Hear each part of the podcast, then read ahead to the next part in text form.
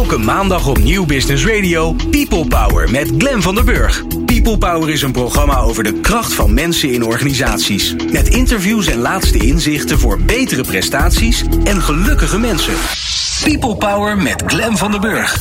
Meer luisteren? people-power.nl Dit is Nieuw Business Radio. Meer weten over onze programma's? Ga naar newbusinessradio.nl. De aandacht waarmee we media consumeren was nog nooit zo groot. Nieuwe tijden vragen om nieuwe inzichten. Mediabureau Zicht. Zit jij als ondernemer met je handen in het haar vanwege corona? Omdat het nu zo rustig is?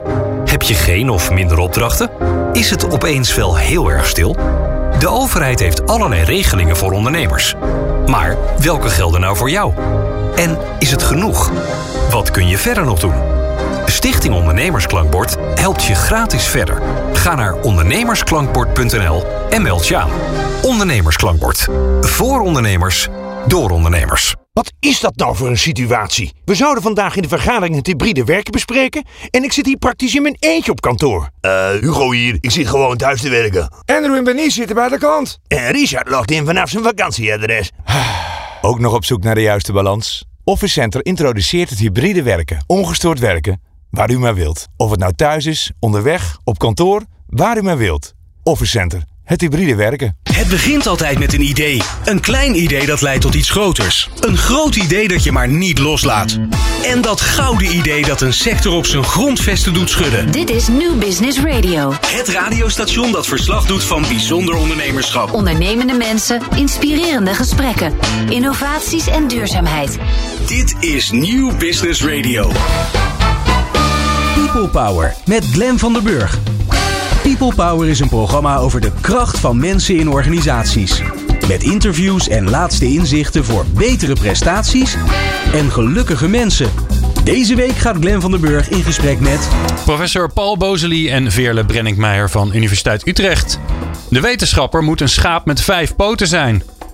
Die, onderzoek, eh, die toponderzoek verricht, onderwijs verzorgt, bestuurt en begeleidt, samenwerkt met anderen en ook nog eens een keer maatschappelijke impact genereren. Ja, is dat nog wel van deze tijd? De ene wetenschapper is immer sterk in onderwijs en de ander misschien in het binnenhalen van subsidies. En voelen wij niet allemaal de druk om in alle rollen te excelleren? Een mooie carrière, een sportief lijf, een leuke ouder, een goede vriend, ga zo maar door.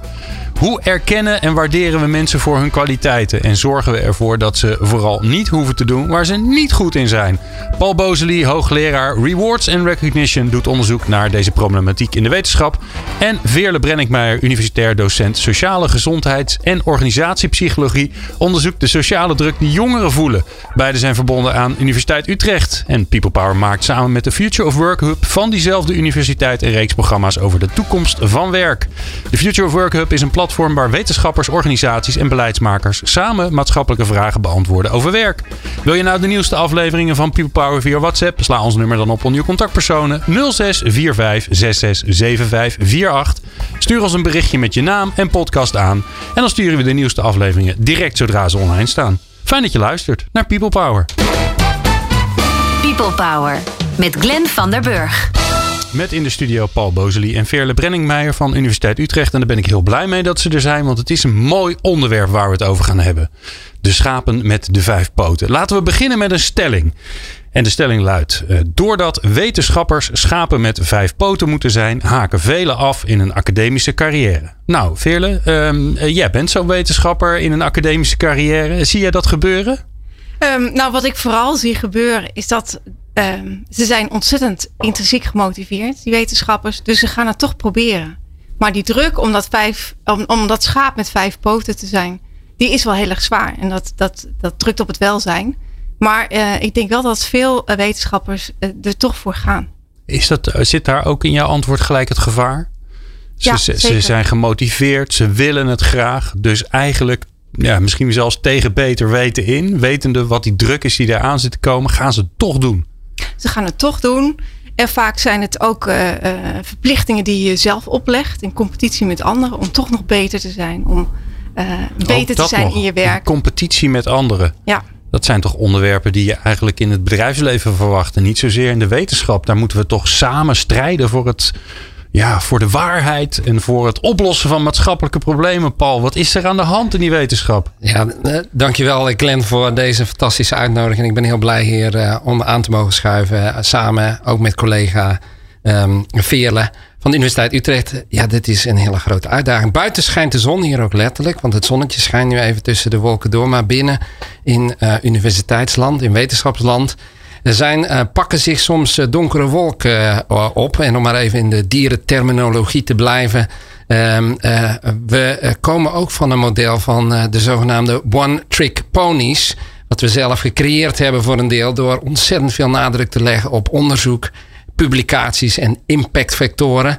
Gaat te ver om dat verder uit te diepen. Maar uh, waar we zeker voor op moeten passen is dat we dan niet van dat one-trick pony, waarbij onderzoek uh, verreweg centraal staat, verschuiven naar dat schaap met vijf poten, waarin je geacht wordt om alles te kunnen en moeten doen. En laat ik vooropstellen, dat is een onmogelijk uh, model. Dat is ongezond voor de mens. En ik denk dat het ook niet nodig is voor organisaties. Maar is dat wel waar het nu, waar het nu heen beweegt in de wetenschap? Is, is dat wat jij ziet gebeuren? Nou, ik denk dat we voor een groot gedeelte nog uh, in de one-trick pony uh, modus zitten. Uh, waarbij gekeken wordt hoeveel publicaties dat, dat je realiseert als wetenschapper. In wat voor tijdschriften dat die publicaties terechtkomen. Wat voor impact dat genereert in termen van citaties. En hoeveel subsidies dat je binnenhaalt, vooral als individu. Terwijl wetenschap in de praktijk al, al, al langere tijd vooral een teamsport is. Als we echt een bijdrage willen leveren aan het begrijpen van en het oplossen van grote maatschappelijke vraagstukken. Doe je dat niet als individu, dan doe je dat samen. Maar dan kan je ook niet alles doen. Het is hetzelfde als teamsport. Je hebt verschillende spelers en het geheel is meer dan de som der delen. En we zitten nog heel erg in een model dat we vooral een red race uh, organiseren tegen elkaar als individuen. Dat is niet goed voor de individuen, is ook niet goed voor de organisatie. En uiteindelijk realiseren we daar ook niet de maatschappelijke doelen mee. hoe komt dat dan? Dat het, want je zou zeggen in de wetenschap, als ze ergens verstand hebben van hoe je slim dingen organiseert, is het wel in de wetenschap. Want er wordt heel veel onderzoek naar gedaan. Er wordt binnen Universiteit Utrecht heel veel onderzoek naar gedaan. Ik zou zeggen, pas het vooral bij jezelf toe. En ik hoor jou zeggen, ja, we zijn weer, uh, we zijn weer allemaal een soort uh, supermensjes proberen we te creëren. Terwijl we al lang weten dat in, de in het team de oplossing ligt. Dus nou ja, waarom gebeurt dat toch? Kijk, een heel klein stukje historie zonder al te ver terug te gaan. 30, 20, 30 jaar geleden uh, waren we internationaal misschien nog niet zo prominent. En hebben we bedacht, we moeten ons meer begeven op het internationale veld. Net als globalisering, concurrentie neemt toe, samenwerking. En daar hoorde ook bij je manifesteren op congressen met publicaties, met papers. Uh, dat heeft ertoe geleid dat er ook prikkels ingebouwd zijn om dat te stimuleren. Om voor die tijdschriften te gaan, om voor die impactfactoren te gaan. En in 15 jaar tijd is dat eigenlijk een beetje uit de hand gelopen. Dat zou mijn analyse zijn. Ik ben benieuwd hoeveel er daarnaar kijkt. Nou, ik ben het daar wel heel erg mee eens. We, we rekenen nog steeds individueel af, voornamelijk op publicaties, op wetenschappelijke impact. Terwijl je eigenlijk ook die teams wilt belonen en de samenwerking wilt belonen. En samenwerking met partijen in het veld wilt belonen. Ja. Ehm, en, en ja, daar moet een ander systeem voor komen, denk ik. Het klinkt als doorgeslagen KPI's, wat we binnen het bedrijfsleven natuurlijk ook gewoon zien. Hè, waar waar ja, perverse prikkels uh, ertoe geleid hebben dat er dingen maatschappelijk mis zijn gegaan. Maar dit klinkt als hetzelfde. Ja. En, maar, eh, en maar scoren. Zorgen dat je publicaties krijgt. Ja, wat erin staat, uh, dat, dat is minder belangrijk. En wie je ervoor uh, voor zijn voeten hebt moeten lopen. Of de pas even af hebt moeten snijden. Maakt ook niet zoveel uit. Ik ben blij dat je dat uh, naar voren brengt, uh, Glenn. Want ik denk dat we nog niet zo lang geleden met de opkomst van de Global Financial Crisis hebben kunnen zien dat wat prikkels, individuele prikkels, in die zin financiële prikkels, kunnen doen met mensen. Het is helemaal niet zo gek dat mensen zich gaan gedragen naar de prikkels die je zelf inbouwt. Dat hebben we gezien bij banken, bij verzekeringsmaatschappijen. We hebben kunnen zien in de Global Financial eh, Crisis wat voor effecten dat kan hebben voor de organisatie en voor de mensen zelf. Hè. Vergis je niet, in, in de financiële sector 40, 50 procent van de mensen uiteindelijk hun werk zijn verloren. Dat is wel een direct gevolg geweest. Dus wij kunnen daar lessen van leren. En tegelijkertijd uh, is het, uh, staan, we nog maar aan het begin van een verandering. En, uh, en het doet echt wat met mensen. Daar weet veel overigens veel meer van als het gaat om werkdruk. En, maar het doet ook echt met het welzijn van onze medewerkers echt wat. Ja, dus het moet anders? ja, het is, het is geen kwestie van dat, dat het gaat veranderen. Want het gaat hoe dan ook veranderen. Maar de weg er naartoe, die mag wel wat uh, geplaveid zijn. En die mag wat mij betreft ook wel wat uh, sneller verlopen dan uh, het aan het beloop overlaten, om het zo maar te zeggen. Ja. En, ja. en hoe, hoe werkt dat dan, Paul? Want jij vindt dit niet voor niks. Want dat base, hè, wetenschappers baseren wat ze wat ze vinden altijd ergens op. Dus doe jij daar dan ook onderzoek naar binnen, uh, binnen de Universiteit Utrecht of misschien in bredere, bredere wetenschappelijke wereld? Nou, sinds mijn, uh, mijn eigen promotie uh, in, in 2002 hou ik mij uh, op, bezig met verschillende facetten van hoe kan je het beste uit medewerkers halen. Nou, het beste uit medewerkers halen wordt door velen vertaald uit wat is het beste voor de organisatie. Maar in mijn definitie is het beste uit medewerkers halen een samenspel tussen de effecten op de organisatie, op de maatschappij en op het individu. En ik denk vooral de effecten op individu en maatschappij zijn onderbelicht geweest in vele sectoren, maar in de wetenschap is dat, staat dat nog in de kinderschoenen. Weet je wat mij nou zo opvallend, wat ik zo opvallend vind, hè, is dat je die beweging, ik, ik, ik trek parallellen zonder dat daar enige, enige wetenschappelijke onderbouwing onder is. Dat is altijd leuk, maar dan kan ik toetsen bij jullie wat, ik, wat je hebt zien gebeuren in het bedrijfsleven, dat zag je later in de zorg. Dat hoor ik nu eigenlijk ook weer terug in de wetenschap. Terwijl ondertussen in het bedrijfsleven er alweer van af, afgestapt zijn. En dan denk ik altijd, ja, hoe, hoe, hoe krijgen we het toch voor elkaar om dingen die ergens anders niet helemaal gelukt zijn, of misschien zelfs wel falikant mislukt zijn, om die ergens anders gewoon nog eens een keer fijn te herhalen? Dat gaat toch iets niet helemaal goed, Paul? Wat is dat? Ja, dit is een hele pijnlijke en terechte constatering. ja, toch? Ja, dit, dit vind ik ook een van de meest fascinerende zaken aan onze eigen, aan onze eigen context. En als ik heel uh, eerlijk en kritisch ben, want ik ben het overigens helemaal met je eens. Dan ben je in een kennisinstituut, dan hou je je bezig met kennisontwikkeling. En dan ben je ontzettend slecht om uh, A, zelf in de spiegel te kijken. En B, om je echt open te stellen om van andere sectoren te, te leren. En ik ben heel blij dat je de opmerking daar maakt over de zorg. Want het is heel vaak dat wij vanuit de wetenschap kunnen zeggen: ja, ja, het, is allemaal mooi en aardig, maar een private sector is helemaal anders. Want bij ons is alles anders. Nou, dat hebben we overal wel eens een keer gehoord. Maar die zorgsector, denk aan ziekenhuizen, die ligt veel dichter bij uh, ons soort context. Daar zie je zelden soort ontwikkelingen, die hebben nog een lange weg te gaan. Maar ook daar zie je dat ze steeds meer uh, open zijn gaan en zich zijn gaan realiseren dat het niet alleen maar gaat om die productie. Alhoewel, in een aantal ziekenhuizen staat die productie nog steeds heel erg centraal. Ja, nou ja, en de KPI's, we weten natuurlijk allemaal thuiszorgen. Hoeveel minuten heb je voor de steunkousen? Nou ja, dat, daar, zijn, daar waren ze een paar jaar geleden in de, in de schoonmaak al achter gekomen dat dat toch niet werkt. Om dat allemaal maar in allemaal hokjes en, uh, en, en beschrijvingjes te, te, duwen. Bij jullie is dat natuurlijk anders. daar, daar zit natuurlijk veel meer ruimte voor de, voor de wetenschappelijke vraag. Maar uiteindelijk ga je toch ook weer op cijfertjes sturen die ja, een leven, leven voor, voor zichzelf gaan leiden. Ja, ik denk ook dat er gewoon altijd heel veel bureaucratie in de, in de universitaire wereld aanwezig is. En dat er ook altijd weer een neiging is om dingen op een bureaucratische manier op te lossen. Tenzij je daar misschien heel alert op bent om te kijken van hoe gaan we nou een keer eenvoudig aanpakken. Ook bijvoorbeeld als je het welzijn van medewerkers wilt eh, verbeteren. Ehm, hoe doe je dat op een niet-bureaucratische manier? Ja, uh, laat, laten we het zo even breder trekken. Want het is daar, daarom, of daarom, uh, Veerle is hier gewoon omdat ze natuurlijk sowieso heel uh, slim en, en, leuke verhalen kan vertellen. Maar je hebt ook nog eens een keer onderzoek daarnaar gedaan hoe dat dan zit bij jongeren. Want dat was precies het eerste waar ik gelijk aan moest denken toen ik jouw verhaal hoorde, Paul dat ja, aan de ene kant kun je zeggen, dit zie ik gebeuren in de wetenschappelijke wereld. Maar het is ook een beetje wat we in de maatschappij zien gebeuren. We moeten alles kunnen. En hoe dat dan zit, dat hoor je zo. People Power met Glenn van der Burg. Ik ben Lars Blauw, adviseur duurzame inzetbaarheid bij Centraal Beheer Open. Ik ben Rachel van Raam, hoofdhaar en Black Vos. Ik ben Mark Jansen, senior medewerker Learning and Development bij Paresto. Ik ben Aniek van ELO en ik luister natuurlijk altijd naar People Power. Want People Power is er voor jou en niet andersom. Elke maandag People Power op Nieuw Business Radio. Met in de studio Paul Bozeli en Veerle Brenningmeijer van Universiteit Utrecht. Veerle, um, ja, ik denk dat we het gewoon maar moeten zeggen gelijk, toch? Laten we het maar gewoon het beestje bij de naam noemen. Fear of missing out. FOMO. Ja, FOMO. FOMO. Ja. Wij hebben met z'n allen last, nou vooral jonge mensen, maar volgens mij heel veel mensen hebben last van FOMO. Alles kan, alles mag. Je hebt het allemaal zelf onder je vingertoppen. Je kan alles zelf beïnvloeden. Ja, en dat, dat is een enorm issue. Vooral onder jonge mensen die een soort bombardement krijgen vanuit hun privéleven. Met allemaal uh, informatie over anderen die het beter hebben of beter lijken te hebben. En ook in het werk uh, hebben we onderzoek gedaan. We zijn onderzoek aan het opzetten naar fear of missing out. En dan zie je dat mensen het idee hebben dat ze waardevolle informatie missen. Dat ze uh, bijeenkomsten missen, maar ook carrière mogelijkheden missen. En dat geeft een enorme onrust. En is ook gerelateerd aan uh, gevoelens van burn-out, van uitgeput zijn.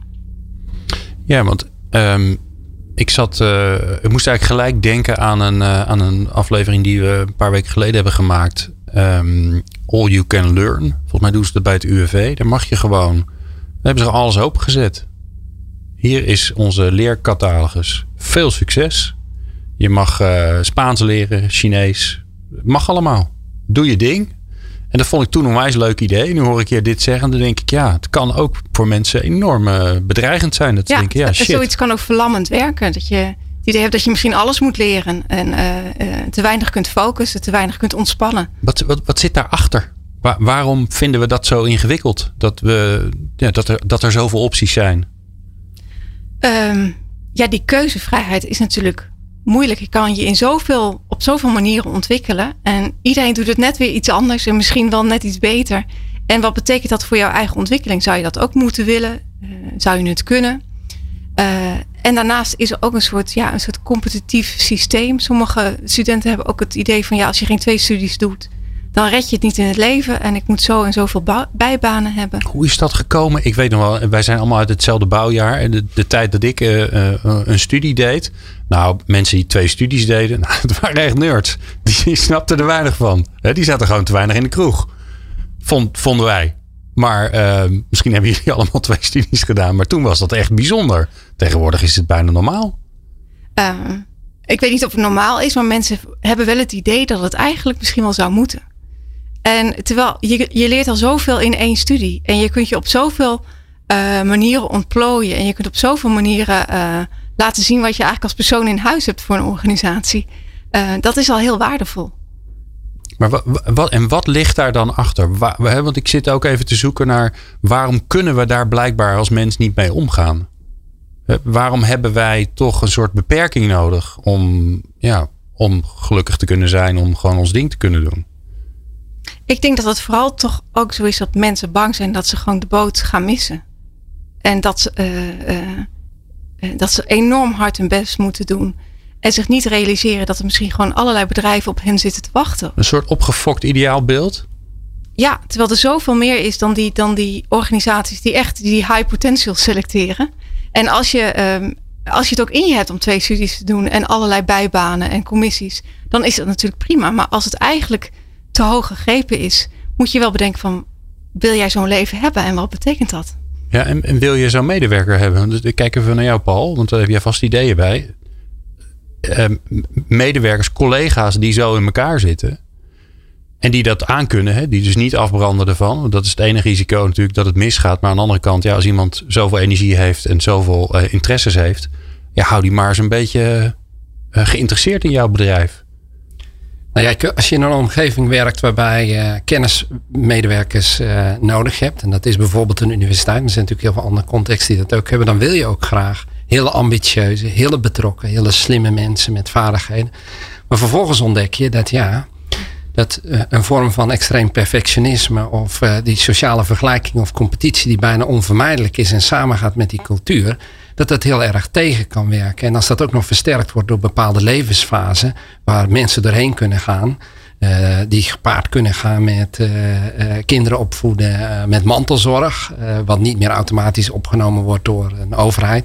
Ja, dan kan je wel eens in de knoop geraken. En dan vraag ik me soms, maar ik ben geen expert op dat vlak, maar ik heb wel indicaties van, dan vraag ik me wel eens af of, of, een, ja, welke verantwoordelijkheid heeft de organisatie erin om die, om die veerkracht ook op te nemen of te absorberen? En doen we dat goed genoeg? Ik denk van niet. Ik denk dat we nog een wereld kunnen winnen. Maar omgekeerd uh, leren we ook de, de juiste dingen.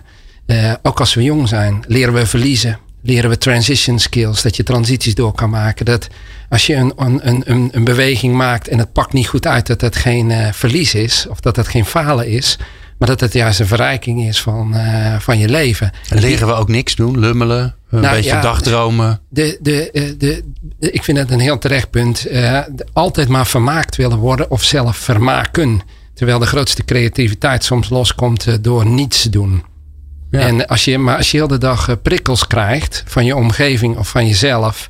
Ja, dan doet dat ook iets met je. Maar ik denk niet dat iedereen hier last van heeft. er zijn ook mensen die, ja, die fietsen hier gewoon doorheen. En je ziet ook weer uh, andersoortige talenten een plek krijgen. Die, de, de student die ik in mijn master krijg, die ooit begonnen is op uh, een MAVO met dyslexie en doorgroeit naar een, uh, een HAVO en HBO doet en via een pre-master mijn master instroomt. Daar heb ik al meerdere gevallen van gezien. Dat deze mensen buitengewoon goede vaardigheden en competenties beschikken om het te gaan maken in de maatschappij. Waarom? Omdat zij uh, niet omvallen bij tegenslag. Doorzetters. doorzetters. En uh, een gezonde vorm van uh, relativeren hebben. Ja. Nu nog even een, een onderwijssysteem die dat stimuleert in plaats van afremt. Hè, dan zijn we helemaal. Maar dat is een zijtak. dat is weer een ander onderwerp. Daar gaan we het een andere keer over hebben. Veerle, um, is er een verband tussen dit vraagstuk, hè, al die prikkels, uh, en, maar, en maar op alle terreinen fantastisch doen. Hè, want je moet ook nog eens een keer onwijs fit eruit zien. Als je geen wasbordje hebt als man tegenwoordig, ben je toch best wel een lummel en je bent uh, onder de 30. Nou, het is hè, iets mij nooit gelukt. Jawel? Uh, nee. nee. Ligt, ligt heel gevoelig, dat wasbordje. Oh, okay. Jammer dat je dat nou te spelen. Ja, nee, maar ik bedoel, daarnaast moet je eigenlijk ook een muziekinstrument spelen. Nou ja, noem maar op, hè, die hele riedel. Dan, heel goed dan, kunnen koken. Dan, goed kunnen koken, ja, ja, heel belangrijk. Ja, kan ik dat ook, dus dat komt mooi uit. Maar um, Zit er een verband daartussen en die ongelooflijk hoge burn-out rate die we hebben bij jonge mensen? Die eigenlijk niemand kan verklaren. Want je bent jong. Dat is eigenlijk het moment in je leven dat je juist heel veerkrachtig zou moeten zijn. En toch hebben we daar met z'n allen last van. Nou, ik denk wel dat het een factor is. Dat, dat het uh, extra veel stress oproept. Waardoor mensen misschien ook niet dat relativeringsvermogen hebben wat ze nodig hebben en, um, uh, maar er zijn natuurlijk heel veel andere factoren, zoals een onzekere uh, arbeidsmarkt met tijdelijke contracten, met weinig perspectief. En die combinatie is natuurlijk ook heel, uh, heel moeilijk voor mensen. Ja. mensen. ja.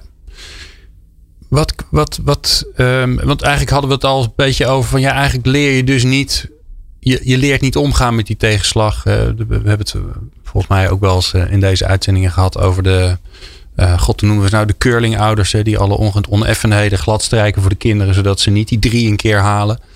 Uh, maar dat ze allemaal netjes zevens en achter blijven halen. Ik zou zeggen, laat ze lekker die drie halen. Het is louterend voor je kinderen. Maar mijn kinderen fantastisch gewerkt.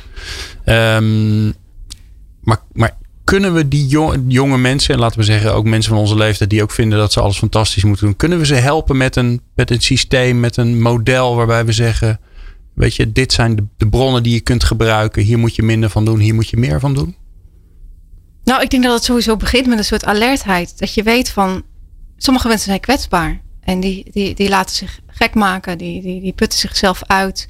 En uh, bijvoorbeeld ook in opleidingen zou je daar aandacht aan kunnen besteden. Van hoe zorg je ervoor dat je het wel relativeert?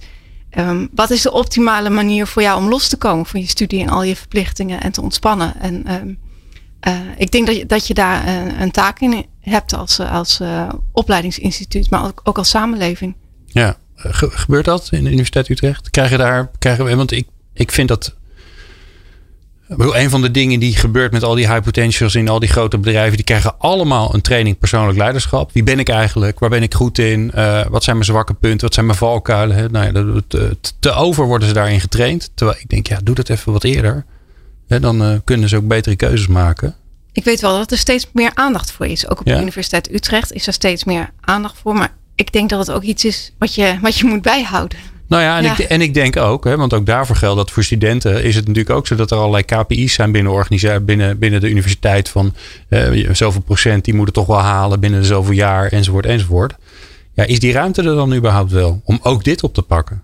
Nou, wat Veerle zegt, eh, de Universiteit Utrecht op een aantal, groot aantal plekken gelukkig heeft steeds meer eh, aandacht gekregen voor vaardigheden onderwijs. Dat was een lange tijd was dat een beetje vies, want het was, zou niet wetenschappelijk zijn. Het was, uh, dat was te toegepast, dat was te praktisch.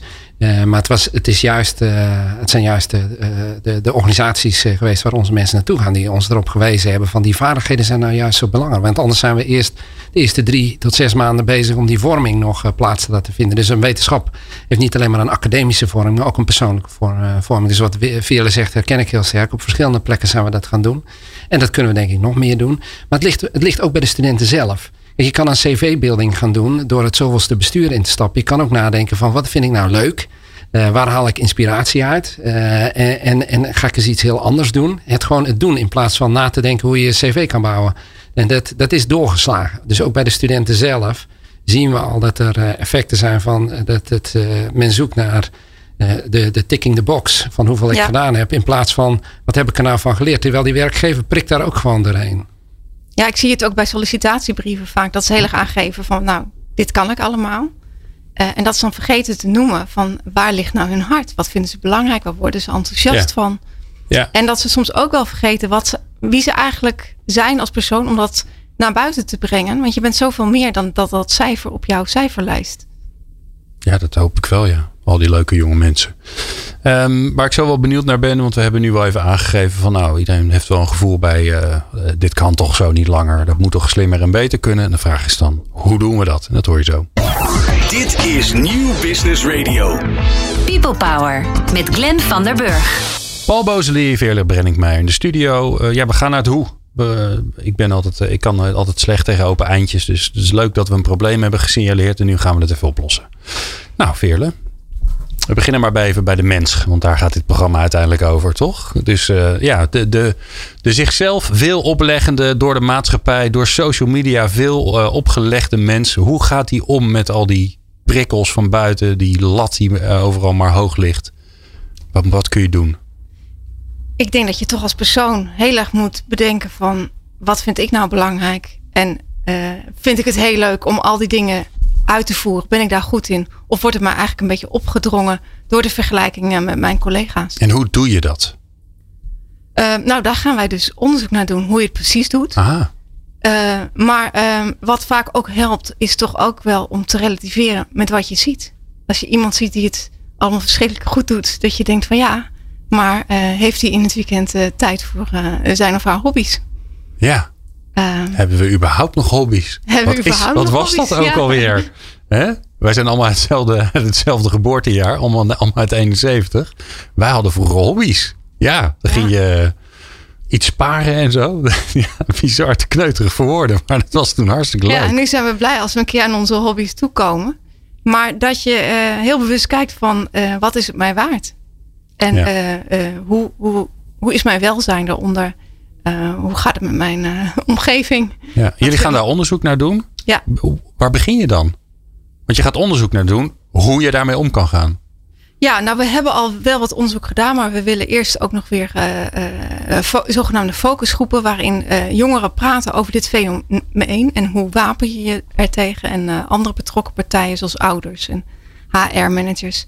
Maar we gaan ook weer onderzoek doen waarbij we mensen over tijd volgen. Heb je nog HR-managers nodig? Want die luisteren naar dit programma, weet ik stiekem. Oh zeker, ja. ja, ja, nou, ja. nou, lieve HR-manager, als je luistert en je denkt, ja, dit is echt een, hier wil ik aan bijdragen. Hier gaat mijn hart sneller van kloppen. betekent ook dat je iets minder moet gaan doen, hè, want anders ben je je eigen probleem aan het, eh, aan het veroorzaken. Maar dan kun je contact opnemen met Veerle en eh, ik, ik weet haar nummer. Ja, heel goed. Mooi. Ja, en de focusgroep. En daar komen dan, daar komen dan dingen uit waarvan je denkt, eigenlijk hoe mensen zelf een soort manier Ja, en van dat ga je dan omgaan op met. grotere schaal onderzoeken. En liefst wil je dan natuurlijk ook een soort een interventie of een soort training ontwikkelen die je gaat evalueren. Ja, en dat zal gaat- het eind van het project zijn. Oké, en heb je al een idee wat het gaat worden? Stiekem? Want er zijn vast modellen ook voor, ja, toch? er zijn zeker modellen voor. Nou, wat wel één ding ook is, dat is eigenlijk heb je eh, eh, eh, cognities, wordt dat genoemd, die jezelf in de weg zitten. En hoe, hoe, hoe erg moet je even uitleggen deze- wat een cognitie ja, een is? cognitie is eigenlijk een idee wat je hebt over jezelf. Bijvoorbeeld, ik mag geen enkel foutje maken. Oh, ja. Of ik moet altijd volledige controle hebben in mijn werk. En eh, eh, wat daarin een, een bekende techniek is, is om die ideeën eigenlijk uit te dagen en te bedenken. Hoeveel kost het mij zo'n idee? Wat, wat belemmert, hoe erg belemmert het mij in mijn welzijn en mijn Oh. functioneren? En om, om dat eh, te leren wat meer aan de, nou ja, opzij te plaatsen. Eh, zodat je wat minder daardoor geraakt wordt. Mooi, ja. Ik had ooit de cognitie, ik weet nu dat het dat is, dat ik een ondernemer was. En toen zei een coach tegen mij, die zei, oh, en eh, stel je nou voor dat je geen ondernemer meer bent. Wat vinden je kinderen daarvan? Nou, dat was ondertussen, eh, zeg maar, na een uur in de sessie. En toen ging ik heel hard huilen. Ach, en toen zei ja, ik, oh, maakt ja. het geen reet uit, zei ik toen. En dat was het moment dat ik dacht, nee, ik ben niet, ik, ik, het bepaalt niet wie ik ben. Ja, ja. Maar het is wel iets wat ik leuk vind om te doen. Dus ik ben een ondernemend mens. En dat was voor mij een enorme bevrijding en een soort last die ervan afviel. Ik dacht, Ja. oh, Dat het niet meer per se moet. het hoeft niet. Ik hoef Ja. niet een bedrijf te hebben met mensen en weet ik veel wat allemaal. Dat was, eh, nou, dus dat kan ik iedereen aanraden om eh, dat eens een keer tegen het licht te houden. Hoe zit het bij jou? Wat- Heb jij zo'n eh, zo'n cognitie, Paul? Ehm, ja, dat is, oh, dat is wel een hele diepe vraag. Van wat uh, cognitie... Ja, we zijn nu toch lekker bezig. Ja, ehm, nou, ik denk dat ik hou wel heel erg van. Uh, ik ben echt een familiemens en dat ben altijd al geweest. En ehm, ik heb een oudere broer, die, eh, die is ook wel gepromoveerd. Maar dat, die, daar kijk ik erg tegen op, omdat hij een aantal kwaliteiten in huis heeft. Uh, ik heb daar een klein beetje van. Hij heeft het heel sterk. Als, hij, als, als er iets is wat hem niet bevalt, dan gaat hij gewoon weg. Die, die gaat ook niet onderhandelen. Die zegt dan van, ik neem ontslag. Dat is een, een zijn partner en kinderen zijn er niet altijd blij mee geweest. Maar zijn, zijn instelling is van ja, ga niet iets blijven doen wat ik niet leuk vind. En, dan, uh, en het komt ook altijd goed bij hem. En hij, heeft als, uh, hij is ook gepromoveerd in een ander vakgebied, maar uh, hij is antropoloog. En hij, hij, heeft de slogan die ik ook wel een beetje overgenomen heb: Writing chapters in the book of life. En wij, als we elkaar tegenkomen, we zien elkaar veel, dan vragen we dat aan elkaar. Hebben we nog een, hebben we nog een hoofdstuk geschreven in, het, in, in het boek van het leven. En zo zijn we gisteren met z'n tweeën gaan schaatsen met onze kinderen. En dat is weer een klein hoofdstukje in de Book of Life. En uh, als je straks 95 mag worden, of misschien 100, en je gaat terugkijken, er zijn trouwens heel mooie antropologische boeken over geschreven, dus dat heeft u waarschijnlijk gelezen. Dan kijk je echt niet terug op hoe hard je gewerkt hebt en hoeveel uh, prestaties je geleverd hebt. En als je al over werk praat, dan is de kans heel groot dat die mensen die dat doen zeggen: Ik heb te hard gewerkt, ik heb te veel gewerkt en ik heb te weinig chapters in de Book of Life geschreven. Nou, die kan je wel meenemen en die kan je eigenlijk elke dag wel toepassen. Dus uh, om een voorbeeld, dat is micro. Hè, vanavond om uh, zeven uur, dan, kwart voor zeven moet ik zeggen, dan traint mijn zoon uh, met voetbal. Ik ben daar leider van, ik snap er geen bal van, dus gelukkig hebben we een goede trainer. Maar ik ben er wel altijd bij, want dat is een stukje wat ik niet wil missen. En dat doe ik ook ja. met mijn dochter als we samen muziek maken. En die dingen, die moet je echt gaan waarderen. En dat begint al bij jezelf. En het stom is, en ik hoop dat corona dat ons dat een beetje geleerd heeft. Hè, die zorgt dat er heel veel dingen niet meer kunnen. Maar dat de dingen die wel kunnen, door het bos wandelen, uh, als het niet al te druk is. En uh, inderdaad, uh, nou ja, met een beetje, ik ben ook coach van het hockeyteam van mijn zoon. En dan, en dan ben je ineens onderdeel van, van zijn sociale omgeving, waar die je eigenlijk liever niet meer in zou willen hebben. Maar dan ben je, daar zit je er ineens in. Ik kan er ook enorm van genieten. Ja, en ik denk dat humor kan ook wel een grote rol spelen. Ik, ik moet altijd ontzettend lachen om de dingen die wij, die wij in onze organisatiecontext heel belangrijk vinden. Toen mijn oom, oma nog leefde, jarenlang uh, geleden, die vroeg: Wat zijn jullie nou aan het doen? Toen we aan het promoveren waren, mijn broer Een boek aan het schrijven. Waarop zij vroeg, de terechte vraag: En wie leest dat dan? En, en als je daar niet om kan lachen, dan, dan, uh, dan zit daar een pijnpuntje. Want natuurlijk leest niemand het uh, proefschrift. dat, dat is overduidelijk. Maar dit, dit heet dan maatschappelijke relevantie. En ik gebruik deze, dit voorbeeld vaak. Maar als je jezelf hierin veel te serieus gaat nemen, dan ga je het zwaar krijgen in het leven. Nou, mooi. We hebben het over de ik gehad. Laten we even naar de. nog, nog lang niet uitvoerig genoeg. Maar ja, we, we, we hebben ook maar één uitzending. Uh, laten we het breder trekken naar de organisatie. Um, wat is de rol van de organisatie hierin om te zorgen dat, die, ja, dat we niet meer iedereen gaan opleggen dat ze schaap met vijf poten moeten zijn, Paul? Nou, Veerle noemde straks al een belangrijk element van bureaucratisering. En uh, een deel van onze, uh, onze context is gewoon niet leuk meer. Uh, en dat komt door regels, dat komt door systemen. Als we dingen gaan veranderen, dan zit dat vaak in de systeemhoek. En daar kun je ook zelf al mee beginnen. Hoeveel mails sturen wij zelf wel niet in het weekend? Ik ben daar als hoofddepartement twee jaar geleden mee gestopt.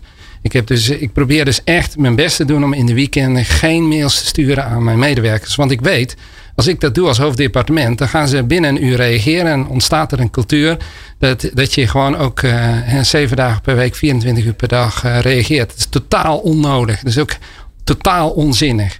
En um, ik, ja, ik merk, ophouden dus. Ja, ik merkte zelf dat je ook minder... Dat allemaal. Je, ophouden dus goed luisteren. Dat geldt niet alleen voor de wetenschap. Ik denk voor heel veel plekken. En heel veel plekken doen dat al. Weet je. Als je het niet redt in die vijf dagen, met, uh, nou, dan, dan moet je eens gaan kijken hoe je werk in elkaar zit. Dat, kan je, dat vraagt om discipline. Dat vraagt ook om zelfdiscipline. Maar het heeft ook een positief effect. Namelijk dat ik ook veel minder mails terugkrijg. En als het echt nodig is, ja, dan moet ik ook wel eens mailen of bellen in het weekend.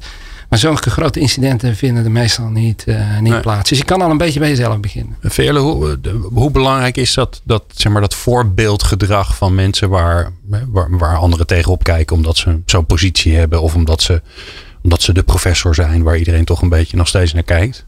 Ja, dat is heel belangrijk. Dat bepaalt heel erg dat competitieve klimaat. Hoe de, hoe de leidinggevenden, hoe die daar zelf in zitten. Uh, hoe ziet hun out-of-office reply eruit? Gaan ze op vakantie? Uh, precies wat je zegt, uh, mailen ze in het weekend. Um, en je hebt een enorme voorbeeldfunctie. En de, ja, de ene leidinggevende doet dat binnen de wetenschap, denk ik, beter dan de andere. Zijn Nederlandse leidinggevenden, even een lekkere grote vraag. Zijn Nederlandse leidinggevenden zich daar eigenlijk wel bewust van? Dat ze die rol hebben, dat er naar hen gekeken wordt? Is een goede vraag. we eens een keer onderzoek naar doen. Ja. Toch? Jullie. Ik niet, want ik kan dat niet. Nou, ik denk in, in algemene zin is daar een wereld te verbeteren. Maar ook, dat, eh, ik denk dat we op dat terrein eigenlijk heel veel weten. En is de grote vraag, waarom doen we heel veel dingen niet? En ook ik leer daar gewoon nog wekelijks van. Ook ik word regelmatig geconfronteerd met, met dingen die ik verkeerd doe op dat, eh, op dat vlak. Dat je zit te lunchen en, en vergeet dat je een leidinggevende bent of een bestuurder bent. En dan flap je er wel eens iets uit. Wat een andere betekenis krijgt omdat je een andere functie hebt. Nou, daar word ik gelukkig op gecorrigeerd. Ook door, eh, door, door jonge mensen gelukkig om me heen. Dat vind ik altijd een belangrijk teken. Dat, eh, er zijn al twee indicaties voor mij. Als jonge mensen kritiek durven leveren op mij. En als ze grappen met me uit durven halen. Dan, dan, dan, voel gaat het dat- goed. Dan gaat het goed. en eh, en, en ik, ik, ik, ik stimuleer dat ook een beetje. Maar die wijzen mij op dit soort dingen. Waar ik zelf niet bewust van ben. Want ik denk dat heel veel mensen echt hun best doen. Om het goed te doen als leidinggevende. Maar niet doorhebben dat er onbedoelde effecten. Leidinggeven is echt moeilijk. Echt een, een, een vak. En ik denk in heel veel andere sectoren dan de wetenschap is men zich daar zeer van bewust. Maar nog steeds kun je daar een wereld mee winnen. Ja. ja, wat ik zelf merk is dat, dat zeg maar, onze Nederlandse cultuur is heel erg. eh, eh, ja, we denken in ieder geval dat we heel egalitair zijn. Hè? En eh, ja, ik ben wel leidinggevende, maar mijn deur staat altijd open. En eh, nee hoor, natuurlijk noem me bij mijn voornaam. Je zit allemaal, allemaal elementen in die, die aangeven. Nee hoor, ik ben net als jij. Maar dat is dus niet zo. Want je bent de baas. Tenminste, ik heb dat zelf met, ook met schade en schande geleerd. Ook al, ook al vind je dat en wil je dat en doe je daar heel erg je best voor. Alsnog ben je de baas. En dus wordt er anders naar je gekeken. Je kan overigens, Ja. dat, eh, ik leer heel veel van onze eh, collega's uit het buitenland. Want die hebben heel veel moeite met onze cultuur, vooral als het om leidinggeven gaat. Hè, want die snappen niet zo goed dat formele en informele. Dus we hebben eigenlijk voor, voor mensen van buiten Nederland een heel complex systeem. En die moeten heel veel te raden gaan bij hun peers, bij hun collega's. Om dan te wat bedoelt hij nou eigenlijk? Want hij, hij- je mag gewoon je en jij als het ware zeggen en, en Paul. Maar hij is toch de baas en dat laat hij op, af, af en toe ook merken. Hoe zit Ja. dat nou precies in elkaar? En wij zijn daar, wij zijn, dat is best lastig. Dus je krijgt heel veel lastig. ruimte totdat je er geen ruimte meer krijgt. Dat is ook zo lekker duidelijk, toch? Ja, ja het Ja. is een lastig volk. Nee hoor, we zijn heel, je hebt heel veel autonomie totdat je dat niet meer hebt. En waar die grens precies ligt. Ja, er zit heel veel onder water aan dynamiek. Helpt dat, is dat ook, is dat ook niet bevorderlijk voor dat, ja, wat wordt er nou van me verwacht? Dus ik ga maar gewoon keihard rennen. Dan, dan ga ik in ieder geval zo hard dat ik in ieder geval over die lat heen ga. Ja, dat weet ik niet helemaal zeker. Het, het gaat toch meer ook omdat je het succes ziet van die anderen. En dat je ziet dat ze beloond worden voor publicaties en impact. En dat je denkt van, ik moet dat ook. En, maar ik moet eigenlijk nog zoveel meer. Eh, Is het ook het ervan afhalen van dat individualistische? Ja, ik denk de het wel. bonus, de, de, de individuele waardering. Ja.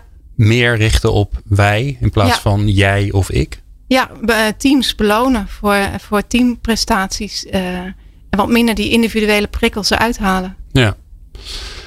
Waar ik zo ehm, ehm, eh, deze aflevering mee wil afsluiten is ehm, ja, dat we een beetje vanuit de maatschappij gaan kijken. Want eh, de wetenschap eh, is natuurlijk prachtig.